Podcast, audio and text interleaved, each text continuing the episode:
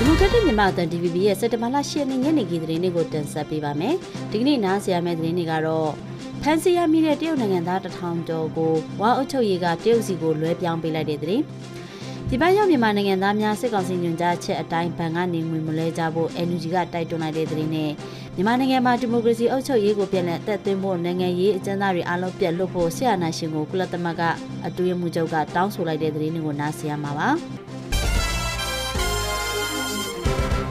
ရှမ်းပြည်နယ်မြောက်ပိုင်းဝကိုပိုင်အုပ်ချုပ်ခွင့်ရဒေသအတွင်းမှာဖမ်းဆီးရမိတဲ့ပြည်မှုကျူးလွန်သူတရုတ်နိုင်ငံသားတထောင်ကျော်ကိုဝပြည်အုပ်ချုပ်ရေးဖွဲ့ကတရုတ်နိုင်ငံဘက်ကိုစက်တင်ဘာလ10ရက်နေ့ကပြန်လွှဲပြောင်းပေးခဲ့တယ်လို့ဝပြည်ပြည်ပဆက်ဆံရေးတာဝန်ခံက DVB ကိုပြောပါရယ်ဖမ်းဆီးခံရသူတွေဟာအွန်လိုင်းကနေငွေကြေးလေလည်သူတွေနဲ့လောင်းကစားပြုလုပ်သူတွေဖြစ်တယ်လို့ဝဒေသပန်ဆန်းမြို့မှာနေထိုင်သူတို့ကပြောပါရယ်ပြီးခဲ့တဲ့စက်တင်ဘာလ3ရက်နေ့ကမြန်မာနိုင်ငံမြောက်ပိုင်းရှိနေရာ12ခုကိုမြန်မာလူကြီးတပ်ဖွဲ့နဲ့တရုတ်ယူနေပြည်နယ်ရဲတပ်ဖွဲ့တို့ပူးပေါင်းစစ်ဆေးရေးပြုလုပ်ခဲ့ပြီးအွန်လိုင်းလေလည်မှုနေရာ12ခုကိုဝင်ရောက်စီးနင်းက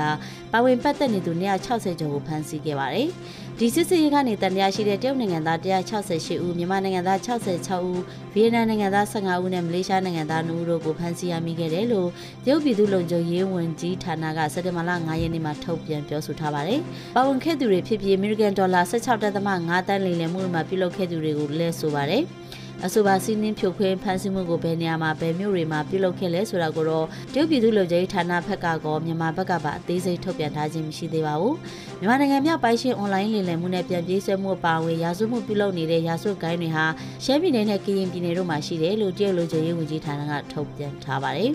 ပြည်ပရောက်မြန်မာလုပ်သားတွေအနေနဲ့စစ်ကောင်စီညွှန်ကြားတဲ့အတိုင်းမိသားစုစီလွှဲပုံငွေကို ဘဏ်ကနေမလွှဲဖို့အမျိုးသားညီညွတ်ရေးအစိုးရကဒီကနေ့ကြေညာလိုက်ပါတယ်။စစ်ကောင်စီအနေနဲ့ပြည်ပရောက်လုပ်သမားတွေရဲ့မိသားစုစီလွှဲပုံငွေကိုကန့်သတ်ထိန်းချုပ်တာအလုပ်သမားနဲ့ agency ကိုဖိနှိပ်ချင်းချောက်တာတွေပါဝင်တဲ့နှစ်ဖက်ချုပ်ဆိုရတဲ့စာချုပ်ဟာတရားဝင်မှုမရှိတာကြောင့်စိုးရိမ်ကြောင်းကြမှုမရှိဖို့အလုပ်သမားတွေရဲ့ချွေးနှဲစာကိုစစ်ကောင်စီတိုင်းရောက်ရှိသွေးစွန်းမဲ့အခြေအနေကိုတားဆီးဖို့စစ်ကောင်စီနဲ့ပူးပေါင်းနေတဲ့ဗန်တွေငွေရေးကြေးရေးဝန်ဆောင်မှုလုပ်ငန်းတွေကနေ ငွေလွှဲပြောင်းတာတွေမလုပ်ဘဲရှောင်ကျဉ်ဖို့ကြေညာချက်မှာဖော်ပြထားပါတယ်။ဒီပရောက်လူသမားတွေရဲ့လောက်ခလာစာတွေကဖြတ်တောက်တာတခြားနီလာနဲ့ဖိအားပေးငွေလွှဲဖို့လှုပ်ဆောင်တဲ့ဘယ်အေဂျင်စီနဲ့လူပုဂ္ဂိုလ်ကိုမဆိုထိရောက်ပြင်းထန်စွာအရေးယူဆောင်ရွက်မယ်လို့လည်းတတိပေးထားပါတယ်အခုလို NUG အစိုးရကထုတ်ပြန်လိုက်တဲ့တတိပေးချက်ကြောင့်ပြည်ပရောက်နေတဲ့အလုပ်သမားတွေတဲကငွေလွှဲမဲ့ကိစ္စတွေတွေ့ဝင်နေတဲ့သူတွေအတွက်အားဖြစ်စေနိုင်တယ်လို့အလုပ်သမားတချို့ကဆိုပါတယ် ဒီဟာဖြစ်နေသူတွေရှိနေပေမဲ့အခုသူတို့ဘာလုပ်ရမလဲဆိုတာရှင်းသွားမယ်လို့ထင်ကြောင်းတောင်ကိုရီးယားရောက်မြန်မာလုပ်သားတဦးကပြောပါတယ်စစ်ကောင်စီကပြည်ပရောက်မြန်မာလုပ်သားတွေအနေနဲ့လစဉ်လစာရဲ့25ရာခိုင်နှုန်းဖြစ်စေအများဆုံး3လစာရဲ့25ရာခိုင်နှုန်းဖြစ်စေလွှဲပို့ရမယ်ဆိုပြီးဩဂုတ်လကုန်ပိုင်းကညွှန်ကြားချက်ထုတ်ပြန်ခဲ့တာပါ။ ဒါအပြင်စက်တင်ဘာ၁ရက်ကစပြီးပြည်ပကိုသွားရောက်မဲ့အလုပ်သမားတွေအနေနဲ့သတ်မှတ်ထားတဲ့နှုံအတိုင်းဝင်လွှဲပို့မဲ့အကြောင်းဝန်ခံလက်မှတ်ကို agency နဲ့စာချုပ်ချုပ်ချိန်မှာလက်မှတ်ရေးထိုးခိုင်းထားတယ်လို့ပြည်ပအလုပ်ကိုင်း agency တွေစီကသိရပါတယ်။ မြန်မာနိုင်ငံမှာဒီမိုကရေစီအုပ်ချုပ်ရေးကိုပြန်လည်အသက်သွင်းဖို့နိုင်ငံရေးအကျဉ်းသားတွေအားလုံးကိုပြန်လွှတ်ပေးဖို့ဆရာနာရှင်ကိုကုလသမဂ္ဂအတွင်းမှုချုပ်အန်တိုနီယိုဂူတာရက်စ်ကတောင်းဆိုလိုက်ပါတယ်။အာဆီယံထိပ်သီးအစည်းအဝေးတက်ရောက်ဖို့အင်ဒိုနီးရှားနိုင်ငံဂျာကာတာမြို့မှာရှိနေတဲ့ကုလသမဂ္ဂအကြီးအကဲဂူတာရက်စ်က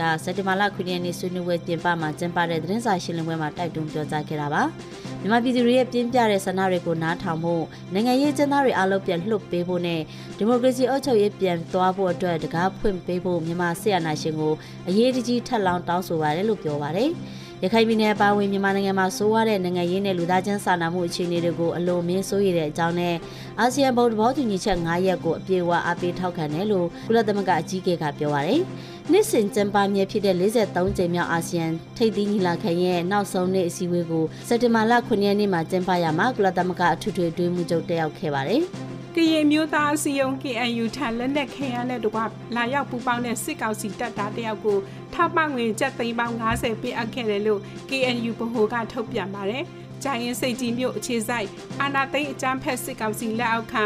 တက်ခလာရ32တပ်ရင်ကအသက်22ရွယ်တက်တာစိုက်ဖြူအောင်ဟာပြီးခဲ့တဲ့စက်တင်ဘာလ4ရက်မှာ KNU တပ်မဟာ6 KNLA တပ်ရင်19 တက်ခွဲနှစ်ကိုလာရောက်ပူပေါင်းခဲ့တာဖြစ်ပြီးတော့သူနဲ့အတူ MA1 တနတ်တလက်ကြီးပေါက်9ပေါက်9တက်တမ96ကြီးတောင်85တောင်နဲ့ equipment တစုံပါဝင်ခဲ့တယ်လို့ဆိုပါတယ်စစ်ကောင်စီတပ်ရဲ့မတရားဖိနှိပ်အုပ်ချုပ်မှုစနစ်အတွက်အထောက်အကူဖြစ်စေတဲ့ထောက်တိုင်မှန်သမျှကိုစန့်ကျင်တဲ့စစ်ကောင်စီလက်အောက်ခံတပ်ကဖယ်စစ်သားကိုမဆိုမိမိတို့တပ်ကိုပြည်သူလူထုရင်ခွင်စီလာရောက်ပူးပေါင်းကြဖို့လဲ KNU ကဖိတ်ခေါ်နေပါတယ်။ စကိုင်းတိုင်းကလေးမြို့ပေါ်ရက်ကွက်အနှံ့ပြားမှာချောင်းရည်ရှယ်လို့ချောင်းအနီးကနေအိမ်တွေအမြင့်ပိုင်းနေရာတွေကိုရွှေ့ပြောင်းနေရတယ်လို့မြို့ခံတွေကပြောပါရယ်မိုးအဆက်မပြတ်ရွာသွန်းတာ၄ရက်မြောက်နေ့ဖြစ်တဲ့စက်တဘာလ10ရက်နေ့မနက်ပိုင်းမှာရက်ကွက်တဲကိုရေစတင်ဝင်ရောက်တာလို့ဆိုပါတယ်။ကလေးမြို့ခံတို့ကရေကဒီမနက်ရုတ်တရက်ဝင်လာတာချောင်းဘေးကနေအိမ်တွေကတော့အမြင့်ပိုင်းဘက်ကိုရွှေ့နေကြရတယ်2015ရေကြီးရေရှမ်းပြည်နောက်ပိုင်းဒါကအကြီးဆုံးရေရှမ်းတာလို့ပြောပါတယ်။ ကလေးမြို့ပေါ်ရက်ကွက်တွေဖြစ်တဲ့မင်္ဂလာဥယေအောက်သက်စာမြို့သားကျိုးသုံးပင်တောင်စလက်စတဲ့ရက်ကွက်တွေမှာရေရှမ်းမှုဖြစ်ပွားနေတာဖြစ်ပါတယ်ရှင်။